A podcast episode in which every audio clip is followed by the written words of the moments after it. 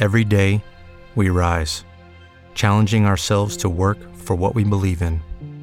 At U.S. Border Patrol, protecting our borders is more than a job, it's a calling. Agents answer the call, working together to keep our country and communities safe. If you're ready for a new mission, join U.S. Border Patrol and go beyond. Learn more at cbp.gov/careers. Taksi fəaliyyəti ilə bağlı müəyyən müsbət irəliləyiş əldə olunmalıdır və bunu gözləyirik. E, Görək bu e, müsbət addımlar bizə necə təsir eləyəcək bir vətəndaş olaraq, sərnişin olaraq. Amma əslində burada e, müəyyən qarajlar var ki, o, orada misal üçün şəxslərin 10, 15, 20, bəlkə də 100 avtomobili var, saymamışam hamısını deyə bilmərəm. Və bu avtomobilləri xəttə buraxanda bir çoxları fikir verirlər avtomobillərin sazlığına, amma sürücülər öz avtomobilləri deyil deyə bunu necə gəldi idarə eləyirlər. Məhəllə arası yollardan istifadə eləyirlər. Yəni istədiyim istədiyi kimi hərəkət eləyirdi avtomobillə. Yəni mənim deyil də, özgənindir. Nə olar olar. Ay sağ olun, mədəni formada desək belədir. Ona görə də avtomobillərdə nasazlıqlar baş verir. E, necə müəyyən eləmək olar ki, yay mövsümü ilə bağlı və yaxud da qış mövsümü ilə bu bunun artıq heç bir mövsümə aidiyyəti yoxdur. Avtomobilin nasazlıqlarını sürücü ilk növbədə necə müəyyən eləyə bilər? Ola bilər ki, bu bir məqamda diqqətinizə çatdırım. Bunu peşəkar sürücülər bilirlər. Siz artıq illərdir avtomobil idarə eləyirsiniz. Mən də usta olmasam da artıq 10 ildən çox təcrübəm var avtomobil idarə etməklə bağlı. Mən avtomobildə müəyyən qədər səs gələndə artıq bilirəm ki, burada nəsə var, aparım heç olmasa usta baxsın. Amma siz dəqiqliyi ilə bilə bilirsiniz ki, təxminən 90% filan e, detal sıradan çıxıb. Bunu bilirsiniz. Amma sürücüdə var ki, gəlib oxuyub, test imtahanını verib, sürmə təlimini keçib və o sürmə imtahanını da verib, e, sürücülük vəsiqəsini alır, qoyur cibinə, ilk avtomobili də çıxır taksi fəaliyyətinə. O hardan bilsin ki, avtomobildən nə cür nasazlıq var? Onlar üçün tövsiyəniz nədir? Ə, avtomobilin nasazlığı bax mən yolda gələndə elə sizin dinləyirdim. Deməli orada bir məqama toxundunuz ki, hansı ki, nasaz avtomobillərlə yola çıxmırıq. Həm avtomobili yoxlatdıraq, belə belə belə bir neçə şeylər sadaladınız. Ancaq belə bir məsələ var ki, bəzən elə bir problemlər ol- olur ki, o sürüş vaxtı baş verir. Hı. Yəni bunun heç bir texniki müayinə və yaxud nə bilim harada aparsanız da bunu müəyyən etmək çətindir. Aha. Ha, Bunlar ə, istisnalardır. Yəni bu hallar ə, mən çox qarşılaşmışam ki, ə, məsələn, adi biz özümüzün yanına maşın gəlib iş görmüşük, ə, maşın fotosonluğu görmüşük, nasos atqaz edib işləmiş. Ha, sürücü deyir ki, bəs belədir də durduq yer oldu. O durduq yerə olan problemlər var. Amma gəldi ki, ə, sürücü təzə ə, məsələn belə deyək, necə o ə, təzə ə, öyrənməyən, ə, məsələn, praktikası olmayan, sürüş sürüş praktikası olmayan sürücülərə avtomobilin ümumiyyətcə hər hansısa bir nasazlığını onların aşkar eləməsi normalda çətindir. Məsələn, səs səs baxımından mı deyək və yaxud avtomobilin normal işləyib işləməməsi baxımından deyək. Yəni o elə bilir ki, hə, belə olmalıdır və Aha. olan şeydir. Yəni harasa A nöqtəsindən B nöqtəsinə bu məni çatdırar. Normal qəbul eləyirlər. Bəli, bəli. Hələ hətta məsələn biz özümüz ə, sürücü zəng edirik, bəs yolda maşında iyi gəlir. Hətta deyirik sürmə də maşını evakuatora qoy, gətir baxaq. Ya bir də görək ki, sürücü sürə sürə gəlsə evakuatora çağırınca sürdüm gəldim. Amma bəlkə də ondan da böyük bir problem baş verə bilər ha yolda. Verir, əlbəttə ki, verir. Ə, Hətta bu yaxınlarda oldu belə bir şey ki, sür motor ümumiyyətlə yəni işə yaramadı. Yəni qız su qutar axıb gedib elə də sürüb gəlmişdi və yaxud vay neçə elə hadisələr baş verir.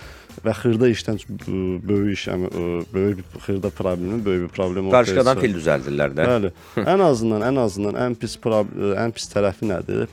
Maddi cəhəti qoyaq qırağa. Məsələn, ə, hərəkət zolağında maşın xarab olur, tıxaca səbəb olur. Mhm. Görürsən ki, bir dənə maşına görə kapot asıb qalıb, qal orta yolun ortasında dayanıb 1 saatı tıxacdasan. Deyirsən, nə olub görürsən qabaqda heç nə bir dənə dayı dayandı, butulka ilə dayanıb. Aha, heç sağ olun. Belə məsuliyyətsizliklər var əlbəttə. Elə bu gün Azadlıq prospekti və Cəfər Xəndan küçəsinin kəsişməsində hərəkət eləyirdim. Orada da biz ə, qoşa ə, yanacaq doldurma məntəqəsi kimi tanıdığımız ərazidə orada bir avtomobil xarab olub qalıb yolun ortasında əməlli başlı tıxac yaranmışdı. Axı niyə də? Niyə bu avtomobili vaxtında texniki qulluq Bəli, göstərmirsiniz? olmalıdır. Ən azından bilirsiz nətərdir? Ə, Mən həmişə qeyd elədiyim bir şey var ki, avtomobilin mühərrikin resursu var.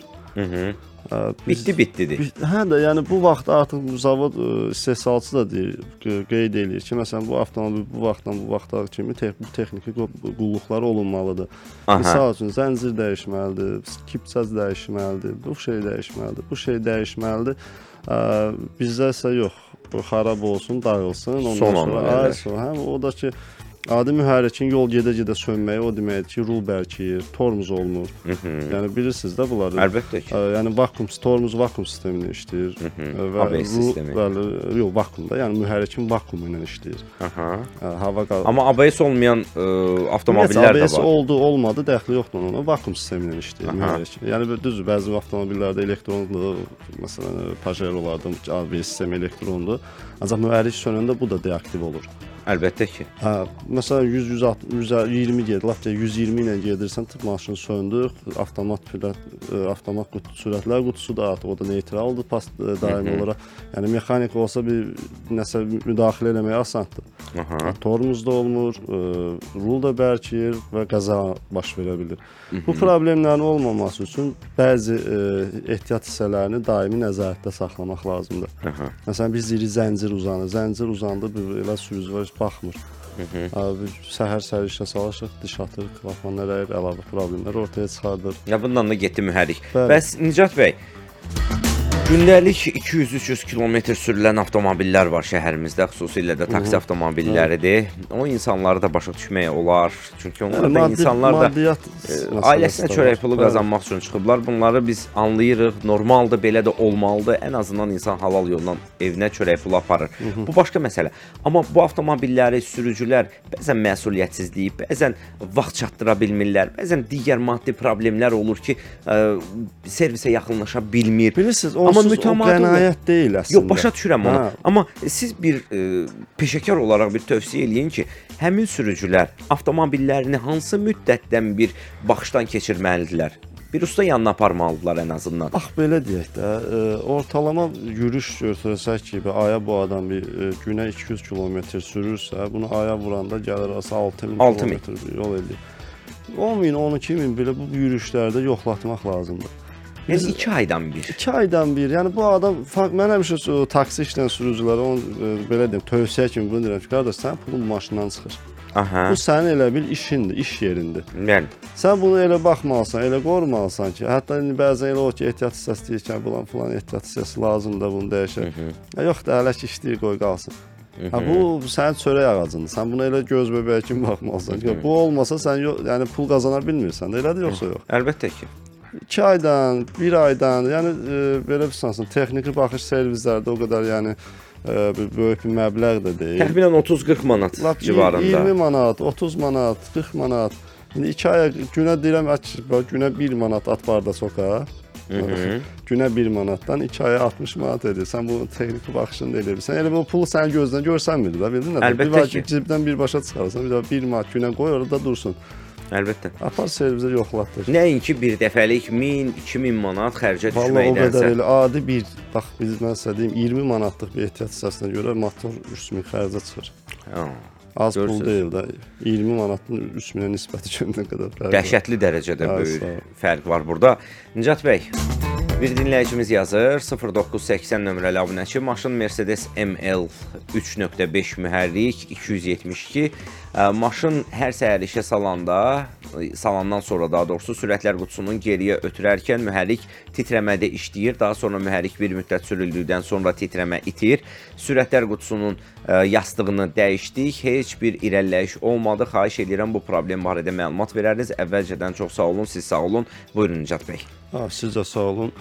Deməli ancaq geriyə atanda titrəmə verirsə Geriyə getmək istəmirdi avtomobil. Deyir mən ancaq qabağa sür də. Nə var burada? Geriyə getmə, geriyə atanda əgər bu titrəmə verirsə və ə, D-də eləmirsə, mənə elə gəlir ki, bu artıq ə, sürətlər qutusunun özünün problemidir. Aha, orada dişlərdə nəsə problem Yox, var. dişlər deməzdi ona. Bəs nə var? Publikdə problem olur. Ə, bu Yaxşı ad qoymuşuq ya, hamısını publik, nə publik bilim. transformator. Aha. Sonra ə, Bulku yoxdur orada. Ha? Bulku yoxdur avtomobildə. Bu publik özü də bulka oxşur. Ona yəqin bəlkə də ona Ya onun ortası olmur da. Bulkunun amma bütöv olur. Elə İçi cemli də olur. İçi cemli də var kişmişli içində. dolu. Var, var. Bu yağı, Doğrudan. yağı cemlidir. O harasında yerləşir? Karbonlikasında. Tamam eləyək. Hə, bu sürətlər qutusuna bağlı bir pro. Əgər yenə də eri atanda verirsən, Aha.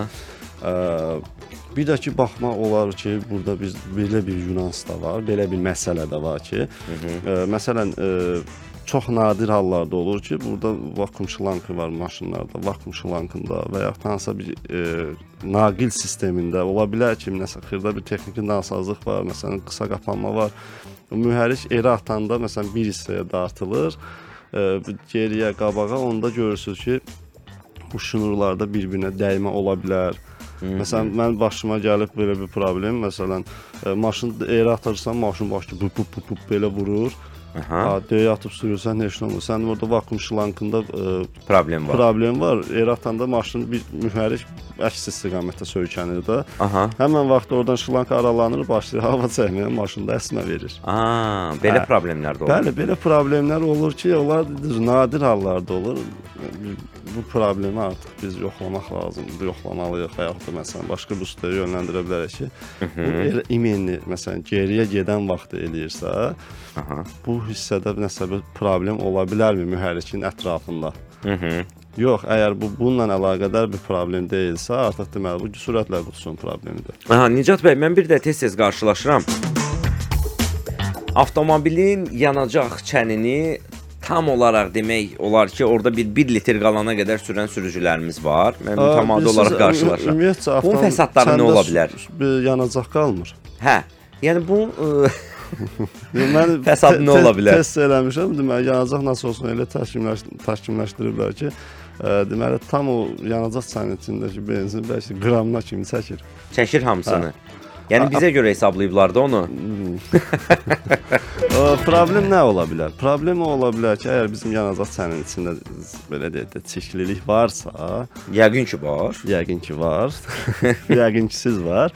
Ə, həmin vaxt biz yəqin ki deyək. Hə, ə, həmin vaxtda artıq bu bütün o qıraq bucaqda olan, düz yanacaq çox olanda bir o qədər gəlmir də bura. Aha. Ancaq o ə, qutardıqca yavaş-yavaş yavaş Yığılır, gəlir. hamısı setkanı tutur. Yəni toz soran effekti yaradırdı Hə, orada. Əlbəttə güclü soğurma var orada. Məsələn, ə, deməli nasosu belə eləyiblər ki, nasosun içində daimi olaraq hardasa 1 litrə yaxın yanacaq olur. Balaca nasosun içində. Çanaq var da, onun içində düzdür, hər maşına aiddir, 90% maşında elədir. Aha. Çanaq var. Bu çanağın içində 1 litr yanacaq olur. O arıq insanlar var, e, e bax- baxırsan ki, yediyi səndən də çoxdur. 85 kilosan 50 kilodur. Yeyir, yeyir, yeyir. Yox. Baxırsan ki, səndən Yox, bir üç nasosun dəfə də artıq. Deyirsən qardaş, bunu hara yeyirsən? Bu yanacaq nasosu da elə ona oxşadı. Nasosun özündə deyil. Əslində yəni onun çanağı var da, qabı var. Qabın içində 1 Aha. litrə yaxın yanacaq olur.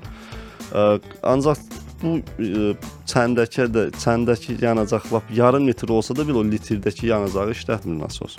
Neynir bəs onu? O qalır ən axırda. Dar gününə saxlayır. Ehtiyat, əlbəttə o da nə üçündür? Elə eləyiblər ki, avtomobil ola bilər ki, biz döngəyə girir, bu ə, uzun bir döngədir. Artıq ə, çənin içindəki yanacaq yığılır bir tərəfə. Aha. Ha, bu artıq oradan istifadə eləyir yanacağı. Hə, yəni 1 litr oradan gedir. Bəli, bəli, ehtiyatdan. bəli, əlbəttə. Yəni ə, çox vaxtı sürücü zəng edir, "Ağustos, maşın döngəyə girəndə sönür." Sönür. Ha, Deməli, niyə saxlaya bilmir də. saxlamır, əlbəttə. Hə. Belə maraqlı şeylər var. Doğrudan da bu özü bir dərin bir elmdir bu avtomobil məsələsi. Yəni, mən ə, siz necədir? Mühəndislər bunun hamısını fikirləşir. Çox hərdən elə maşınlar olur ki, o qədər çox fikirləşirlər ki, yox, problemlər tələm tələsi eləyirlər, fikirləşmirlər. Bəzi incəliklər var ki, o incəlikləri Aha. fikirləşmirlər, amma elə maşınlar da var ki, əlbəttə çox belə, mən məsələn baxıram da maşınlar, yəni bizim işlədiyimiz maşınlar, yəni dünya brendidir. Ha, orada görürsən ki, xırda bir detaya kimi işləyiblər üstündə. Adi kuş, nədir səs boğucunun üstünə görürsən quruc qoyurlar. Nə üçün hansısa bir titrəyiş o götürür Hı -hı. o qədər komfort yaratmaq üçün ki, yəni bunların hamısı əlbəttə ki, bir mühəndis işləridir. Amma elə avtomobil brendləri var ki, son 1-2 dəqiqəmiz qalıb bir məqamı demək istəyirəm. Amma elə avtomobil brendləri var ki, onların qiyməti çox tez ölür. E, yəqin ki, bildiniz də hansı avtomobillərdən danışdım da dərinə getməyək. Bəli. Nicat bəy, təşəkkür olun. dəvətimizi qəbul etdiyiniz üçün.